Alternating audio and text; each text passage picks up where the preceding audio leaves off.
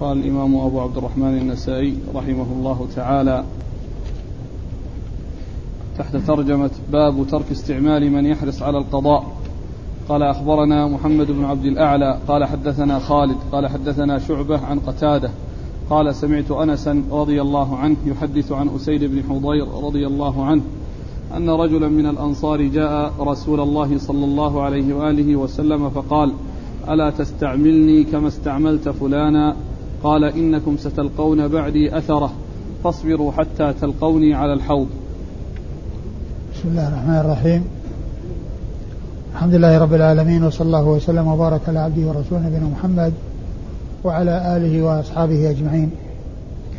أما بعد فسبق أن في الدرس السابق هذه الترجمة وهي ترك استعمال من يحرص على القضاء وقد مر فيه حديث أبي موسى الأشعري حديث حديث عبد حديث من؟ الأول أبي موسى, حديث موسى. وهذا أسيد حديث أبي موسى. وقد مر فيه حديث أبي موسى وهذا حديث سيد بن حضير رضي الله تعالى عنه وهو أن النبي صلى الله عليه وسلم جاءه رجل من الأنصار وقال يا رسول الله ألا تستعملني كما استعملت فلانا؟ فقال إنكم ستجدون بعدي أثرة. فاصبروا حتى تلقوني على الحوض. آه آه هذا الأنصاري طلب من النبي صلى الله عليه وسلم أن يستعمله أن يوليه على بعض الأعمال التي والله الله عز وجل إياها. وكان مما ذكره في سؤاله أن مثل بشخص أو سمى شخصا فقال كما استعملت فلانا.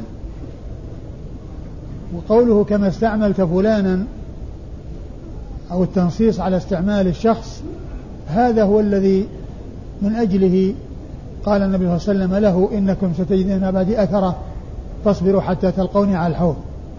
لأنه ذكر غيره ممن يعني آه، ولي. والرسول صلى الله عليه وسلم ولى ذلك الشخص الذي ولاه وهو خير الناس وأفضل الناس ولكن سيأتي بعده من يقدم ويؤخر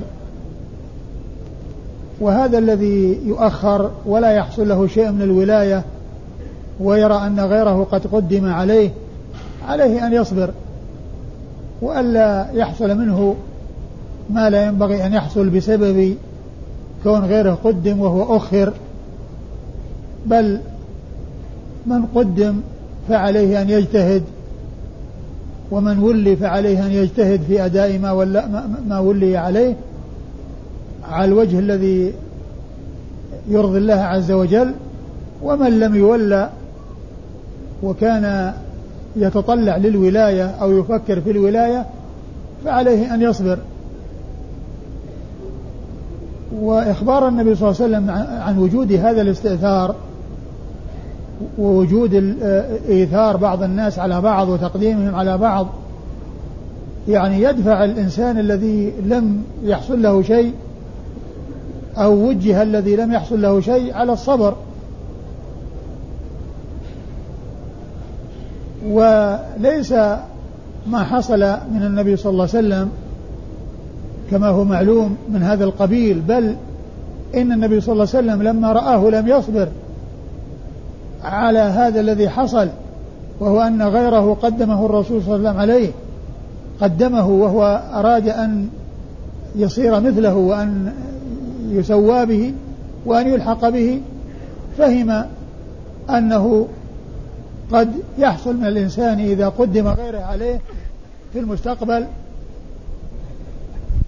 من تقديم الأمراء الذين يأتون بعده بعض الناس على بعض أن أنه يحصل في ذلك في نفسه شيء فقد يؤدي به ذلك إلى الغضب وإلى فعل ما ينكر فأرشد عليه الصلاة والسلام على الصبر.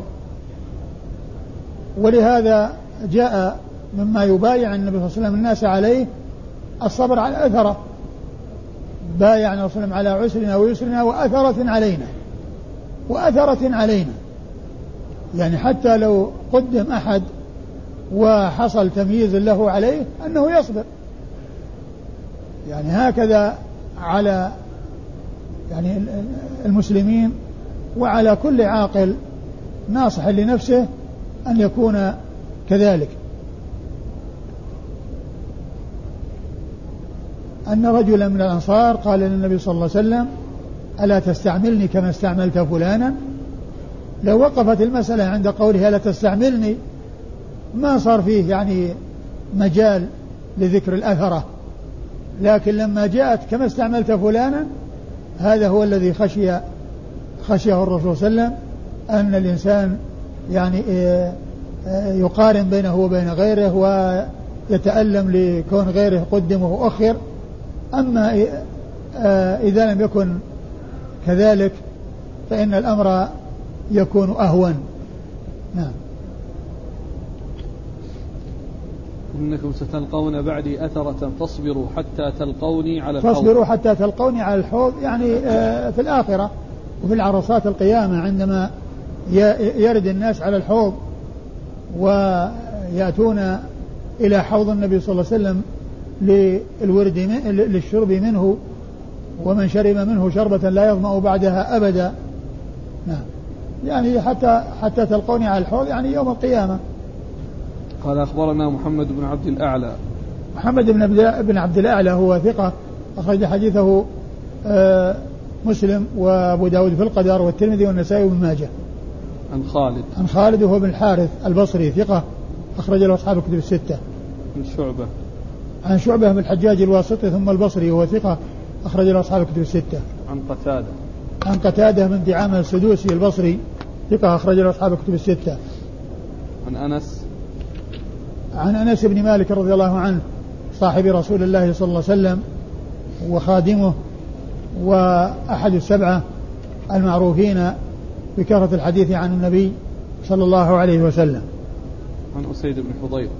عن أسيد بن حضير رضي الله عنه صاحب رسول الله صلى الله عليه وسلم وهو الصحابي الجليل يعني صاحب المناقب وهو أحد الشخصين اللذين يعني جاء الحديث بشأنهما وأنهما لما افترق لما ذهب من الرسول صلى الله عليه وسلم في الليل في ليلة مظلمة ذهب وأمامهما يعني كالمصباح يضيء أمامهما فلما افترقا إلى بيتيهما انقسم ذلك النور إلى قسمين وكل ذهب معه قسم وهو أيضا الرجل الذي كان يقرأ القرآن وكان عنده فرس مربوطة وكادت وكانت تضطرب وأن أنه رفع رأسه وإذا يعني ال ال يعني ال الشيء الذي الذي تنزل عليه ثم يعني ذهب يعني ذهبت يعني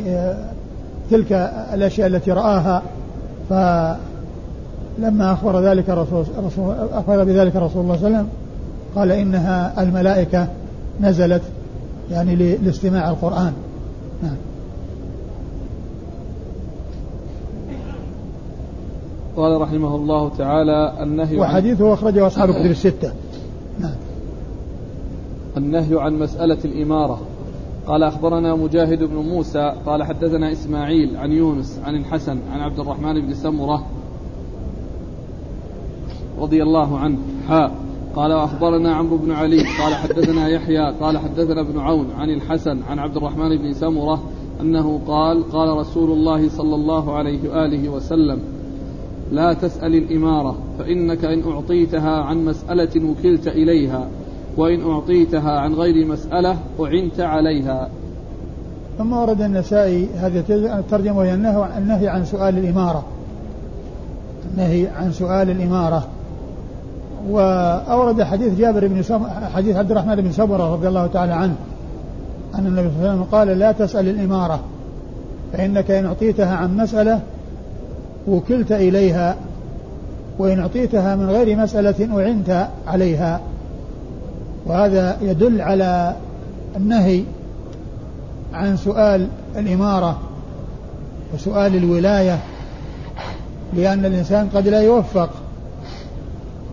لأنه كان حريصا ويمكن أن يكون حرصه أو الدافع له على الحرص يعني شهوة ورغبة يعني إما رغبة في مال أو رغبة في جاه. ومنزله عند الناس أو هما جميعا فيكون الإنسان وكل يعني إليها يعني آه، فلا يوفق ولا يحصل له التوفيق. وأما إذا كان ليس متطلعا واختير للولاية ولم يكن متعلقة نفسه فيكون عدم طلبه إياها رغبة عنها وخوفا من تبعاتها فإذا ابتلي بها وأسندت إليه فإنه يبذل جهده ويخاف الله عز وجل فيحصل العون من الله سبحانه وتعالى والتوفيق من والتوفيق من الله سبحانه وتعالى في أداء مهمته. والحاصل أن سؤال الإمارة والرغبة إليها قد يكون الذي يدفع إليه هو الرغبة في الجاه والمال والرفعة الدنيوية وحظوظ النفس وشهواتها. فيكون الإنسان موكولا إليها ولا يحالفه التوفيق. وعلى العكس من ذلك الذي لا يفكر ولا يشغل باله ولا يسأل الإمارة فإذا أعطي إياها من غير مسألة كان ذلك من أسباب عون الله عز وجل إياه عليها وتوفيقه للقيام بأعبائها. نعم. قال أخبرنا مجاهد بن موسى. مجاهد بن موسى ثقة أخرج حديث مسلم وأصحاب السنن عن إسماعيل. عن إسماعيل بن علية إسماعيل بن إبراهيم بن مقسم المشهور بن علية وهو ثقة أخرجه أصحاب كتب الستة. عن يونس. عن يونس بن عبيد وهو ثقة أخرجه أصحاب كتب الستة. عن الحسن. عن الحسن بن أبي الحسن البصري وهو ثقة أخرجه أصحاب كتب الستة. عبد الرحمن بن سمرة. عن عبد الرحمن بن سمرة رضي الله تعالى عنه صاحب رسول الله صلى الله عليه وسلم وحديثه أخرجه أصحاب كتب الستة. قال حا وأخبرنا عمرو بن علي. ثم قال حا وأخبرنا عمرو بن علي. حاء للتحول من إسناد إلى إسناد. وعمرو بن علي هو الفلاس البصري ثقة. أخرج له أصحاب الكتب الستة بل هو شيخ لأصحاب الكتب الستة. عن يحيى. عن يحيى بن سعيد القطان البصري ثقة. أخرج له أصحاب الكتب الستة. عن ابن عون. عن ابن عون عبد الله بن عون وهو ثقة. أخرج له أصحاب الكتب الستة. عن الحسن عن عبد الرحمن بن سمرة. عن الحسن عن عبد الرحمن بن سمرة وقد مر ذكرهما. قال أخبرنا محمد بن آدم بن سليمان عن ابن المبارك عن ابن أبي ذئب عن المقبوري عن أبي هريرة رضي الله عنه عن النبي صلى الله عليه وآله وسلم أنه قال إنكم ستحرصون على الإمارة وإنها ستكون ندامة وحسرة يوم القيامة فنعمة المرضعة وبئسة القمة. حديث أبي هريرة؟ نعم. ثم ورد النسائي حديث أبي هريرة إنكم ستحرصون على على على الإمارة؟ نعم. إنكم ستحرصون على الإمارة وستكون خزيا خزيا. وإنها ستكون ندامة وحسرة يوم القيامة. وإنها ستكون ندامة وحسرة يوم القيامة. فنعمة المرضعة وبئسة الفاطمة. هذا إخبار من الرسول صلى الله عليه وسلم عن وجود الحرص على الإمارة على الإمارة.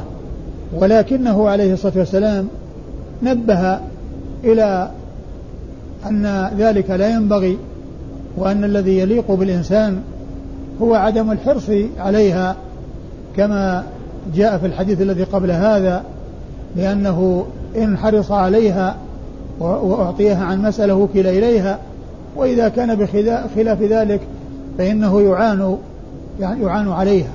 إنك إنكم ستحرصون على الإمارة وإنها آه حسرة وإنها حسرة وندامة.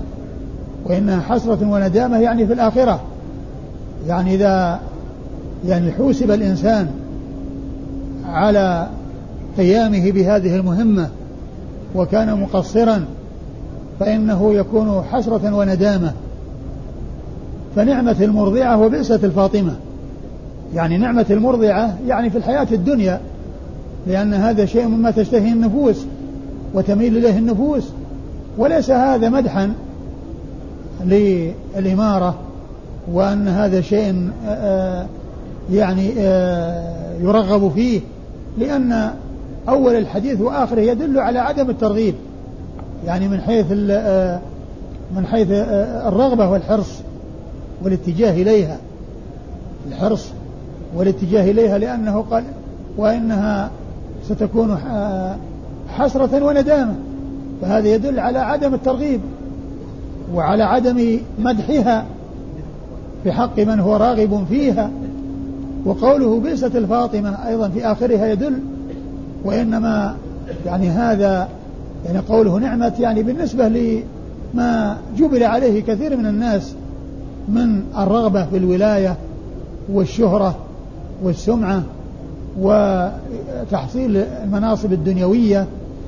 يعني هي من هذه الحيثية. أما كونه مدحا لها وترغيبا فيها فأول الحديث يدل على خلاف ذلك وآخره يدل على خلاف ذلك.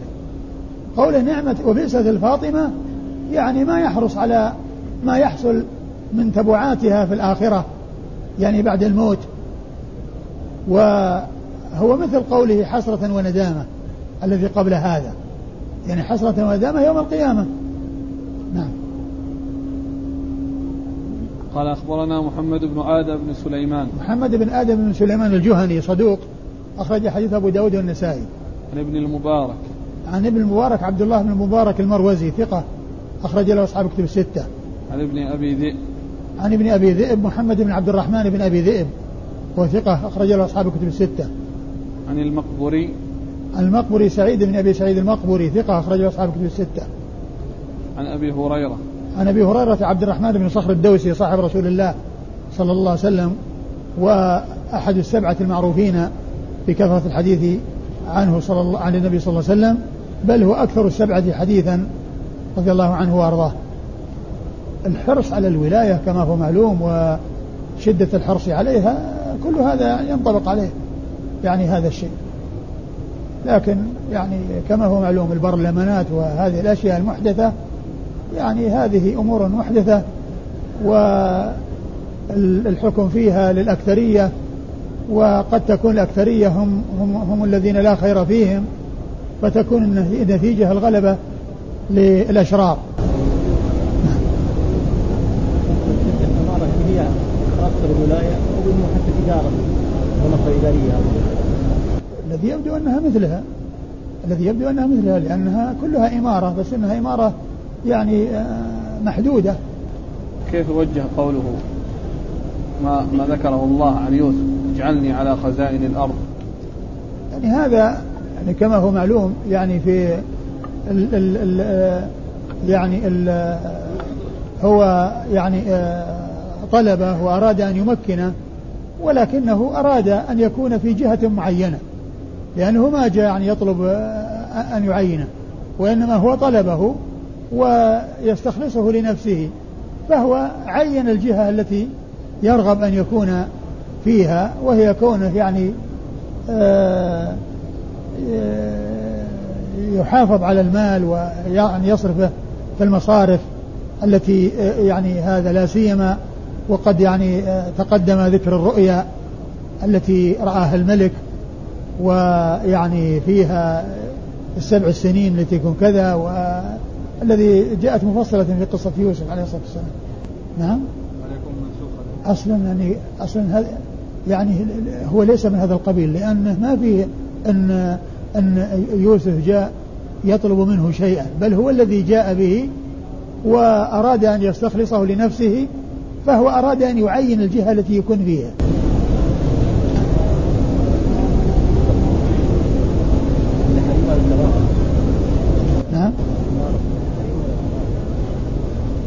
على كل يعني ال ال الله تعالى أعلم لكن مقتضى الحديث الإنسان يبتعد.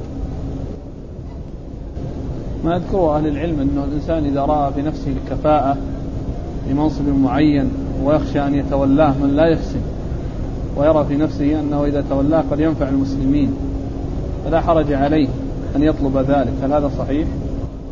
نعم ذكروا ذكروا هذا وجابوا قصة يوسف عليه الصلاة والسلام. وجابوا قصة يوسف عليه الصلاة والسلام لكن كما هو معلوم لكل امرئ ما نوى.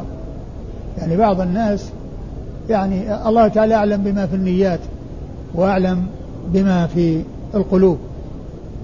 لكن من يطلب الشيء يعني ويحرص عليه لا ينبغي أن يمكن منه.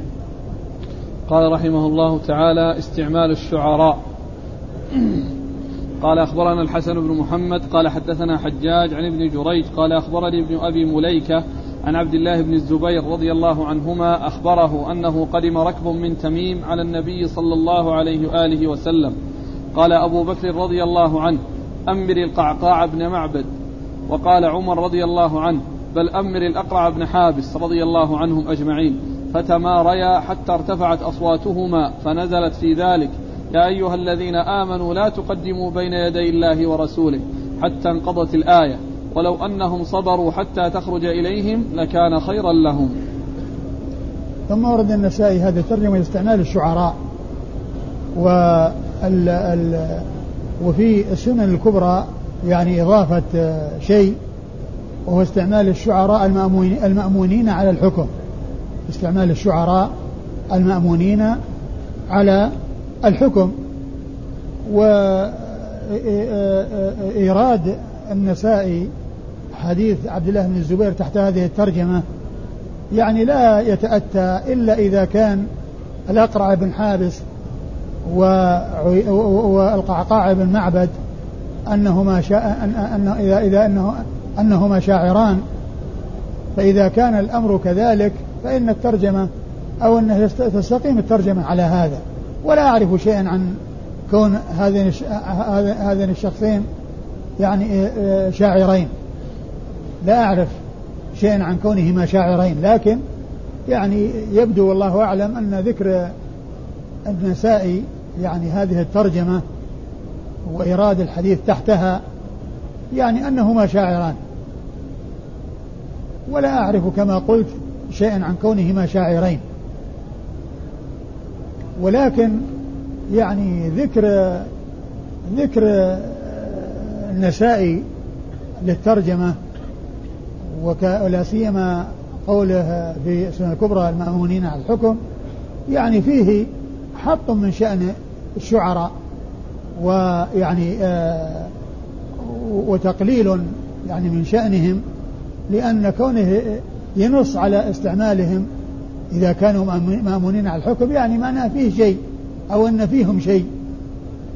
ومن المعلوم أن الشعر الاشتغال فيه والافتتان به ولو كان حسنا يعني جاء فيه ذم كما جاء في صحيح مسلم لأن يمتلئ جوف أحدكم قيحا حتى يريه خير من أن يمتلئ شعرا. والمقصود بهذا لا شك أنه الشعر المحمود. وليس الشعر المذموم لأن الشعر المذموم لو لو كان بيت واحد من الشعر يكفي لأن يذم صاحبه. وإنما الكلام يعني فيما إذا كان محمودا لأن اشتغال الإنسان به وانهماكه به يعني يؤدي إلى الحيلولة دون ما هو أولى منه ودون ما هو خير منه. وهو الاشتغال بالقرآن والسنة و وقد يكون الشعر يعني في بعض الأحيان خدمة للكتاب والسنة وفيه يعني نظم مسائل العلم. فالحاصل أن ذكر الترجمة يعني فيها إشارة إلى يعني النيل من الشعر أو الشعراء في الجملة لأن كونه ينص على استعمالهم التنصيص على استعمالهم وصفهم شعراء وأن يكونوا مأمونين على الحكم يعني فيه يعني فيه ما فيه. نعم. يقول أيوه. أن عبد الله بن الزبير يقول قدم ركب من تميم عن النبي صلى الله عليه وسلم. قال أمر القعقاع بن معبد. وقال عمر رضي الله عنه بل أمر الأقرع بن حابس. فتماريا حتى ارتفعت أصواتهما. فنزلت في ذلك يا أيها الذين آمنوا لا تقدموا بين يدي الله ورسوله حتى انقضت الآية. ولو أنهم صبروا حتى تخرج إليهم لكان خيرا لهم. يقول عبد الله بن الزبير رضي الله تعالى عن, عن رضي الله تعالى عنهما قدم وفد من تميم على ركب من تميم على رسول رسول الله صلى الله عليه وسلم. فقال أبو بكر أمر القعقاع بن معبد التميمي هما تميميان. وقال عمر بل أمر الأقرع بن حابس فتماريا حتى ارتفعت أصواتهما. فنزل قول الله عز وجل يا أيها الذين لا تقدموا بين يدي الله ورسوله إلى قوله ولو أنهم صبروا حتى تخرج إليهم. ومن المعلوم أن الذي يعني يناسب حال أبي بكر وعمر هو الآيات الأولى التي فيها ذكر التقديم وذكر رفع الصوت. أما آخر الآيات التي فيها ولو أنهم صبروا حتى تخرج إليهم لكان خيرا لهم والله غفور إن الذين ينادونك من وراء الحجرات أكثرهم لا يعقلون.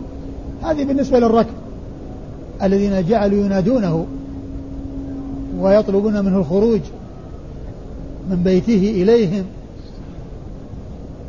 فآخر الآيات لا يتعلق بأبي بكر وعمر لأنه يتعلق بأناس خاطبوا ونادوا ولم يصبروا حتى يخرج إليه. وأما الذي حصل فهو يعني شيء جرى يعني بين أبي بكر وعمر بحضرة الرسول صلى الله عليه وسلم. وأما أولئك فكانوا ينادونه يريدون أن يخرج. إذا الذي يناسب حال أبي بكر وعمر أو ما يتعلق بأبي بكر وعمر هو الأول الذي فيه النهي عن التقدم بين يدي الله ورسوله أو التقديم بين يدي الله ورسوله وكذلك أيضا رفع الصوت عند رسول الله صلى الله عليه وسلم وبين يدي الرسول صلى الله عليه وسلم. أما آخر الآية أو الآيات التي في آخرها وهي متعلقة بالمنادات وعدم الصبر فهذه إنما تتعلق بالركب الذين هم من تميم. وقيل إن أبا بكر لما اختار القعقاع بن معبد قالوا إنه كان رفيقا لينا. أنه كان رفيقا لينا. والأقرع بن حابس كما هو معلوم جاء أحاديث تدل على يعني آه، شيء من شدته وشيء من يعني مما يتعلق به. وذلك أنه هو هو صاحب الحديث الذي يقول لما رآه يقبل الحسن قال لي عشرة من الولد ما قبلت منهم أحدا. إن لي عشرة من الولد ما قبلت منهم أحدا. ف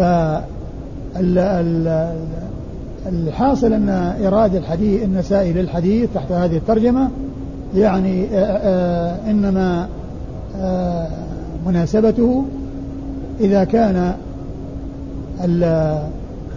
هذين الصحابيين أو هذين الشخصين وهما الأقرع بن حابس والقعقاع بن معبد أن يكون شاعرين. وهو الذي يبدو من إرادة الترجمة. ولا مناسبة له إلا هذا.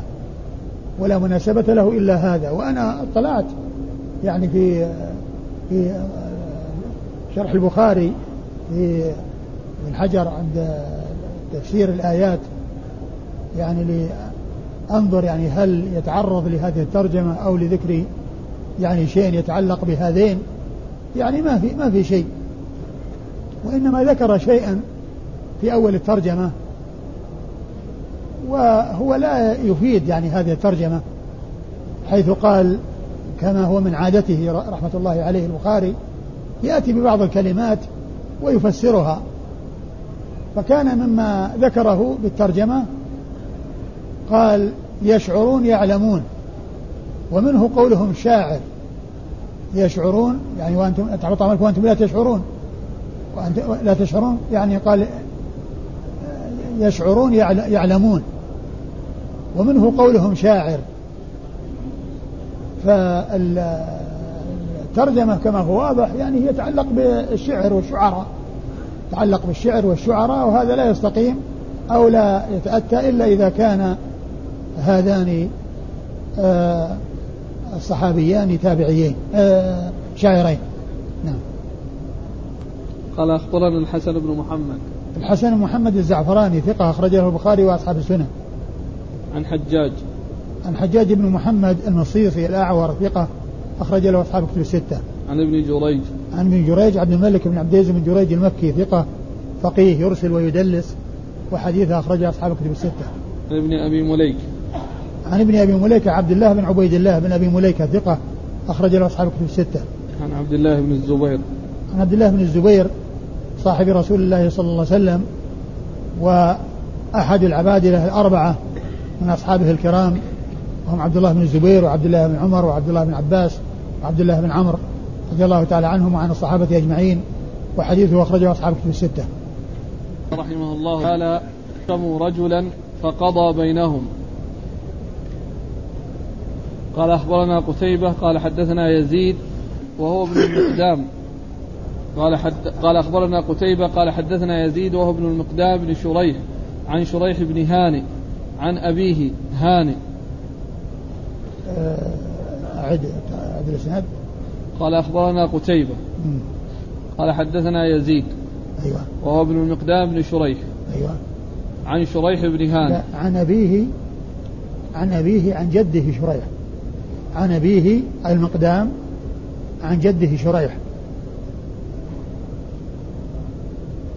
قال أخبرنا قتيبة قال حدثنا يزيد بن المقدام بن شريح عن أبيه عن جده شريح. عن جده شريح عن, عن أبيه. أبيه. يعني شريح يروي عن أبيه يعني هم أربعة أشخاص. أربعة أشخاص متناسلون كل واحد يروي عن الذي قبله. يعني ليست رواية أب الشخص عن أبيه عن جده بل أبيه عن جده عن جد جده. يعني ال ال يعني جد جده يروي عن جده. يعني عن أبيه عن جده عن أبيه.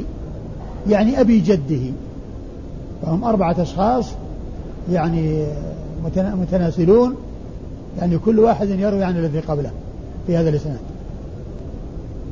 عن أبي قال أخبرنا قتيبة قال حدثنا يزيد وهو ابن المقداد بن شريح. عن أبيه عن جده شريح بن هانئ. عن أبيه هانئ. أنه لما وفد إلى رسول الله صلى الله عليه وآله وسلم سمعه وهم يكنون هانئا أبا الحكم فدعاه رسول الله صلى الله عليه وآله وسلم فقال له إن الله هو الحكم وإليه الحكم فلم تكنى أبا الحكم؟ قال إن قومي إذا اختلفوا في شيء أتوني فحكمت بينهم فرضي كلا الفريقين. قال ما أحسن ما أحسن من هذا؟ فما لك من الولد؟ قال لي شريح وعبد الله ومسلم. قال فمن أكبرهم؟ قال شريح. قال فأنت أبو شريح. فدعا له ولولده.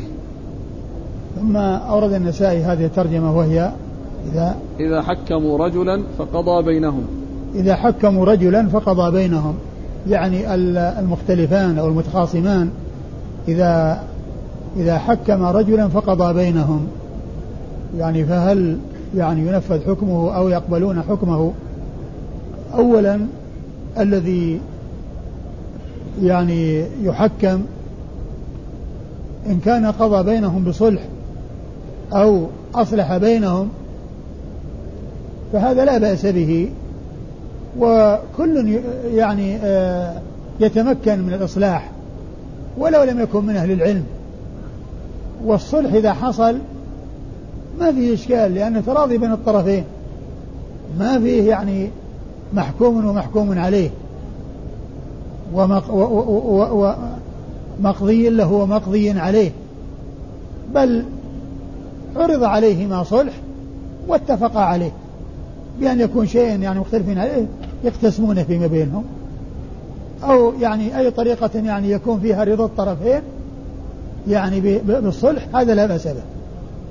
أما إذا كان أما إذا كان يعني يعني ليس صلحا ولكنه قضاء وحكم فالذي له أن يحكم هو الذي يكون من أهل العلم والذي يكون عنده علم لأنه قد يحكم بالباطل إذا لم يكن عنده علم قد يحكم بما بما هو غير حق. يعني حيث يعني يمنع هذا ويعطي هذا. يمنع هذا ويعطي هذا. أما إذا كان صلح كما قلت صلح ما في إشكال. لأن لأن غير العالم يصلح بين الناس. والعالم هو الذي يقضي يعني بالحق. والجاهل لا يعرف الحق حتى يقضي به. وإنما يمكنه أن يصلح بين الناس. والصلح خير ولا إشكال فيه. وإذا تراضى الطرفان على الصلح حتى القاضي لو أراد أن يصلح بينهم يعني وينتهون عند الصلح لا بأس. لا بأس بذلك لأن الحق لا يعدوهما. الحق لا يعدوهما. فإذا تنازل أحدهما عن حقه أو عن بعض حقه واتفق واتفق على ذلك والشيء اللي تنازعوا عليه اصطلحوا عليه لا بأس بهذا. أما إذا كان قضاء فالقضاء يكون عن علم. فإذا حكم من عنده علم فإنه يحكم. وعلى الطرفين الأخذ بقوله وبحكمه حيث يكون من أهل العلم. لأن القضاء يلزم كما ذكرت فيما مضى الفرق بين المفتي والقاضي أن المفتي يخبر بالحق ولا يلزم به. والقاضي يعني يخبر ويلزم يعني يلزم المحكوم عليه أن يأخذ لأن القضية من الاستفتاء قضى. فأورد النسائي حديث هان بن يزيد المدحجي رضي الله تعالى عنه أنه قدم على رسول الله صلى الله عليه وسلم فالنبي صلى الله عليه وسلم سمع أصحابه يكنونه أبا الحكم. يكنونه أبا الحكم يخاطبونه يا أبا الحكم؟ فالرسول صلى الله عليه وسلم دعاه وسأله عن سبب هذه عن هذه التسمية. فقال إني كنت إذا اختلف قومي يعني آه، حكموني فحكمت بينهم فرضي كلا الطرفين. فقال ما أحسن من هذا؟ ف فقال إن الله هو الحكم وإليه الحكم. فمن لك من الولد؟ فمن لك أو ما لك؟ ما لك؟ قال فما لك من الولد؟ فما لك من الولد؟ قال شريح وعبد الله ومسلم. قال من أكبرهم؟ قال شريح. قال أنت أبو شريح. قال أنت أبو شريح. وهذا يدل على أن التكنية إنما تكون يعني بالابن الأكبر وبابن الأول الابن الأول. وذلك أن يعني أن كونه يأتي أولا يعني هو أكبر أولاده فيخاطب به قبل أن يأتي غيره. قبل أن يأتي غيره. يقال له أبو فلان. ما دام أنه أول أولاده وأول من ولد له فيكنى به قبل أن يأتي غيره. ولكن الرسول صلى الله عليه وسلم لما رآه ذا أولاد ولم يتكنى بأحد من أولاده سأله عن أكبرهم فقال إنه شريح فقال أنت أبو شريح. يعني الكنية للأكبر ومناسبة كما أشرت يعني أن هذا هو أول مولود فتحصل التكنية قبل أن يأتي غيره. وفي هذا إشارة إلى يعني آآ آآ يعني إلى أن الحكم يعني هو من أسماء الله وإليه الحكم. ولكن كما هو معلوم بعض الأسماء يمكن أن يتسمى بها المخلوقون ولا مانع منها وبعضها لا يجوز التسمي به مثل الرحمن والصمد مثل الرحمن والصمد والبارئ والخالق وما إلى ذلك. هي أسماء يعني ذكرها بعض أهل العلم ومن ذكرها ابن كثير في تفسيره في أول تفسير سورة الفاتحة عند ذكر الرحمن الرحيم أو تفسير أو تفسير البسملة ذكر بعض الأسماء التي لا يسمى بها غير الله عز وجل وهي الصمد و يعني بعض الأسماء. وفي هذا الإشارة إلى أن يعني آه، مثل هذا الاسم يعني غيره أولى منه. ولا يقال إنه لا يسوغ ولا يجوز التسمية بهذا الاسم. لأن النبي صلى الله عليه وسلم ما أنكر عليه يعني ما أنكر أن يسمى أحد الحكم ولكن كونه يسمى أبا الحكم من أجل حكمه من أجل حكمه أطلق عليه هذا من أجل حكمه. ومن المعلوم أنه يمكن أن تكون التسمية أو التكنية بدون بدون اسم. يعني مثل أبو بكر وعمر رضي الله عنهما كنية أبو بكر أبو بكر كنية أبو بكر كنية عبد الله بن عثمان مشهور بكنية أبو بكر وليس له ولد اسمه بكر. وعمر أبو حفص وليس له ولد اسمه حفص وليس له ولد اسمه حفص. فإذا الكنية يمكن أن تأتي بدون ذكر الولد. وكذلك قد يكنى الصغير يا أبا عمير ما فعل النغير يا أبا عمير ما فعل النغير يكنى الصغير. يمكن أن يكنى في صغره. وإن لم يتزوج يولد له. ولا مانع من ذلك. لكن الذي يعني أرشد إليه الرسول صلى الله عليه وسلم يعني كون هذا من أجل الحكم وكونه يعني يحكم بين الناس. وأضيف إليه هذا لحكمه. وأنه أبو الحكم لأنه يحكم بين الناس. قال أخبرنا قتيبة. قتيبة بن سعيد بن جميل بن طريف البغلاني ثقة أخرجه أصحاب كتب الستة. قال عن يزيد وهو عن يزيد وهو بن المقدام بن شريح بن هانة وهو صدوق أخرج حديث البخاري في المفرد وأبو داود والنسائي وابن ماجه. عن أبيه. عن أبيه المقدام ابن شريح وهو ثقة أخرج حديثه البخاري في الأدب المفرد ومسلم وأصحاب السنن. عن جده. عن جده وهو شريح بن هانئ شريح بن هانئ وهو ثقة مخضرم أخرج حديثه البخاري في الأدب المفرد نعم. و ومسلم وأصحاب السنن. نعم. البخاري في الأدب المفرد ومسلم وأصحاب السنن كابنه المقدام. نعم. عن أبيه. عن أبيه هانئ ابن يزيد المذحجي وهو صاحب رسول الله صلى الله عليه وسلم وحديثه أخرجه البخاري في المفرد وأبو داود والنسائي. يسأل الأخ يقول ما حكم التكن عموما؟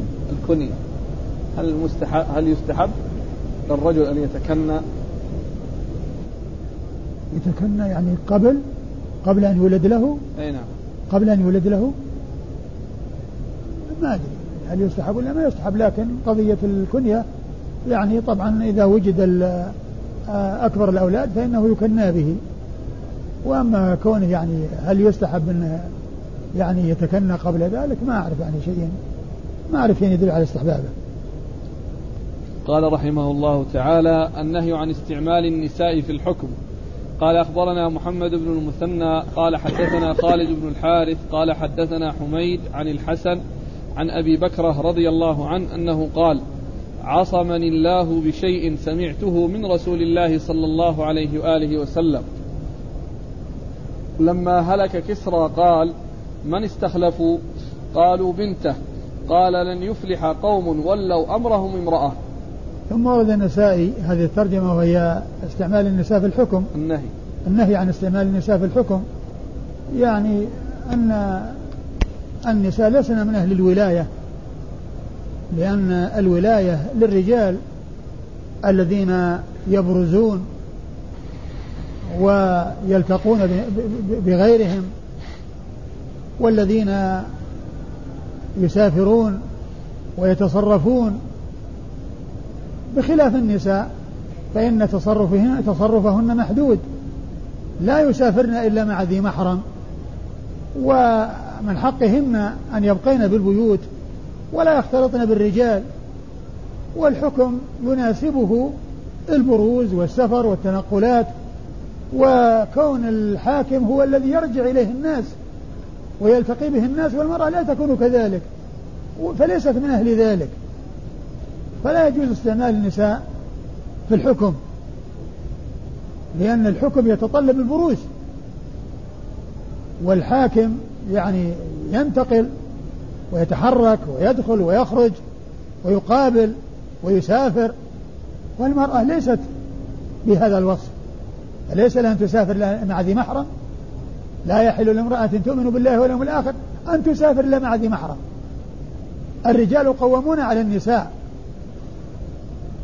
فالقوامة للرجال على النساء. ولا تكون النساء اللي تتسلط على الرجال وتولى على الرجال وتكون هي مرجع الرجال ويأتي الرجال يراجعونها ويصدرون عن عن رأيها. وإنما هذا من شأن الرجال وليس من شأن النساء. ثم من شأنهن القرار في البيوت والمكث في البيوت والاحتجاب عن الرجال. يعني هذا هو شأن النساء. إذا الحكم لا يناسبها. الحكم لا يناسبها. يعني تولي النساء من انتكاس انتكاس الأوضاع وانقلاب الموازين وكون المحكوم يصير حاكم والمحكوم والحاكم يصير محكوم. يعني هكذا ولهذا ذكروا من شرط الولاية ومن شرط الخليفة أن يكون ذكرا أن يكون ذكرا. فلا يجوز أن يكون أنثى بإجماع العلماء. لا يجوز أن يكون الخليفة والوالي أنثى بإجماع العلماء من شرطه أن يكون ذكرا. والله سبحانه وتعالى جعل أنبياءه رجالا ما جعل فيهم نساء بل هم رجال. فليس يعني فيهم نساء. وذلك أن الرجال يقومون بما بما لا تقوم به النساء والنساء لا لا لا, لا تتمكن ولا تستطيع بل لا يمكنها أن تقوم بما يقوم به الرجال لأنها ممنوعة من أن تخالط الرجال وتبرز للرجال ويعني وما إلى ذلك من الأمور التي ما تستقيم إلا بالرجال الذين هم القوامون على النساء الذين هم القوامون على النساء. والرسول و ومن يعني مما ابتلي به الناس في هذا الزمان ومما يقولون عنه الديمقراطية النساء لهن صولات وجولات يعني في هذا المجال. لهن صولات بل قد تصل عن طريق هذا إلى أن تكون هي اللي على رأس الحكم ويأتي الرجال أمامها يعني يعني في ذلة وهي في عزة يعني انتكست الموازين. يعني مثل أذكر أبيات ذكرها بعض شاعر من الشعراء لما يعني كانت من مناسبة يعني واحد من الناس في نظره أخذ يعني آه، يتعلم على شخص وكان المتعلم في نظر هذا الشاعر أعلى من المتعلم منه فأنشأ أبياتا يعني يذكر فيها يعني أمور يعني متضادة متعاكسة. فقال قد قدم العجب على الرويسي العجب عجب الذنب عجب الذنب على الرأس. قد قدم العجب على الرويسي وهبت العنز لقرع التيس. يعني المرأة هي اللي تلتقى العنز هي اللي تلتقى على التيس. يعني عكس انعكست. قد قدم العجب على الرويسي وهبت العنز لقرع التيس واختلط الناس اختلاط الحيس. وادعت الروم أبا في قيس. الروم قالوا إنه من العرب الخلص وادعت الروم أبا في قيس وطاول وطاول البقل فروع الميسي البقل البصل وال والنبات فروع الميسي الأشجار الطويلة. يعني يعني هذا النبت القصير يقول للشجر أنا أطول منك وبصير أطول منك. يعني ينافسه. و وشارف الوهد أبا قبيس.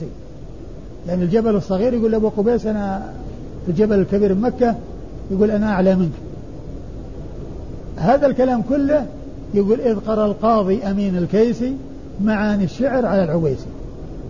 يوم حصل هذا انتكست حصلت هذه الأمور المتضادة يعني بهذه المناسبة وبهذا السبب. المحل الشاهد منه المقصود منه وهبت العنز لقرع التيسي. وهبت العنز لقرع التيسي. يعني معناها العنز تغلبت على التيس والمرأة تغلبت على الرجل. ويقولون استنوق الجمل واستديكت الدجاجة. يعني في إذا حصل يعني المرأة حصل عندها تغلب أو أو أو, أو بروز وظهور قالوا استنوق استديكت الدجاجة.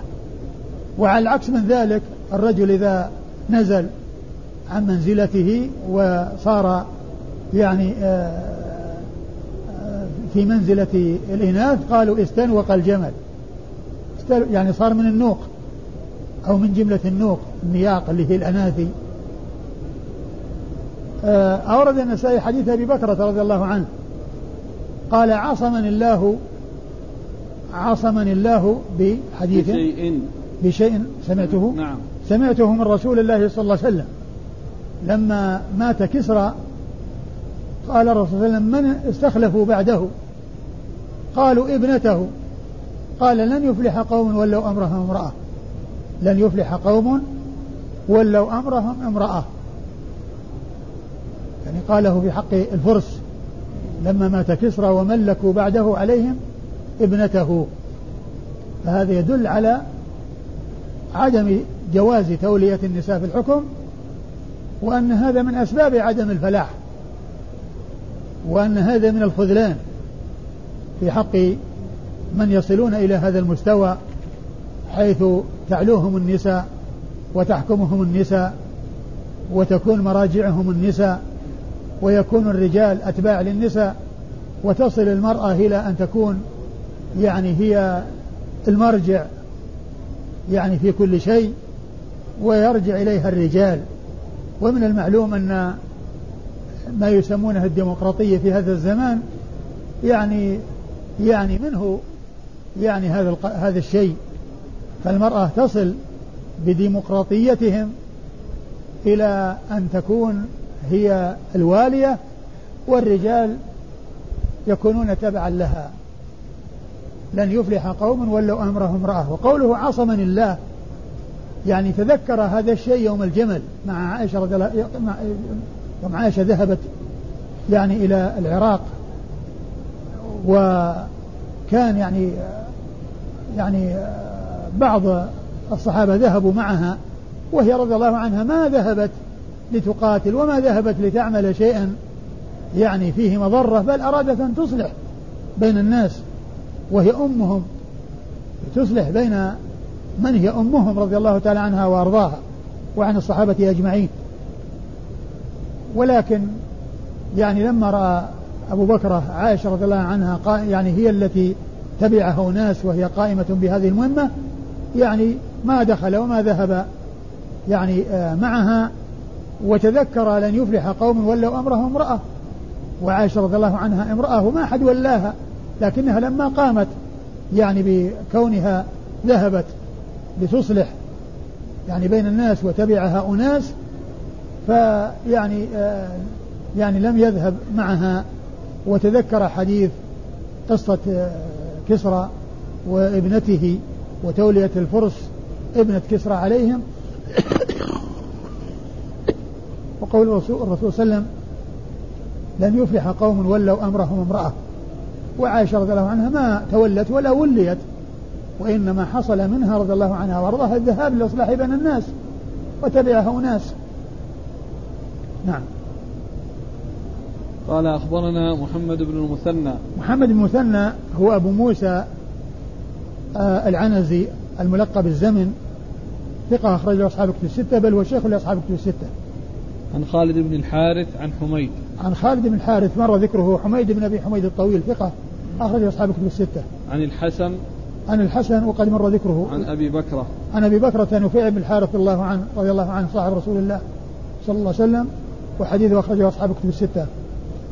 والله أعلم وصلى الله وسلم وبارك على عبده ورسوله نبينا محمد وعلى آله وأصحابه أجمعين.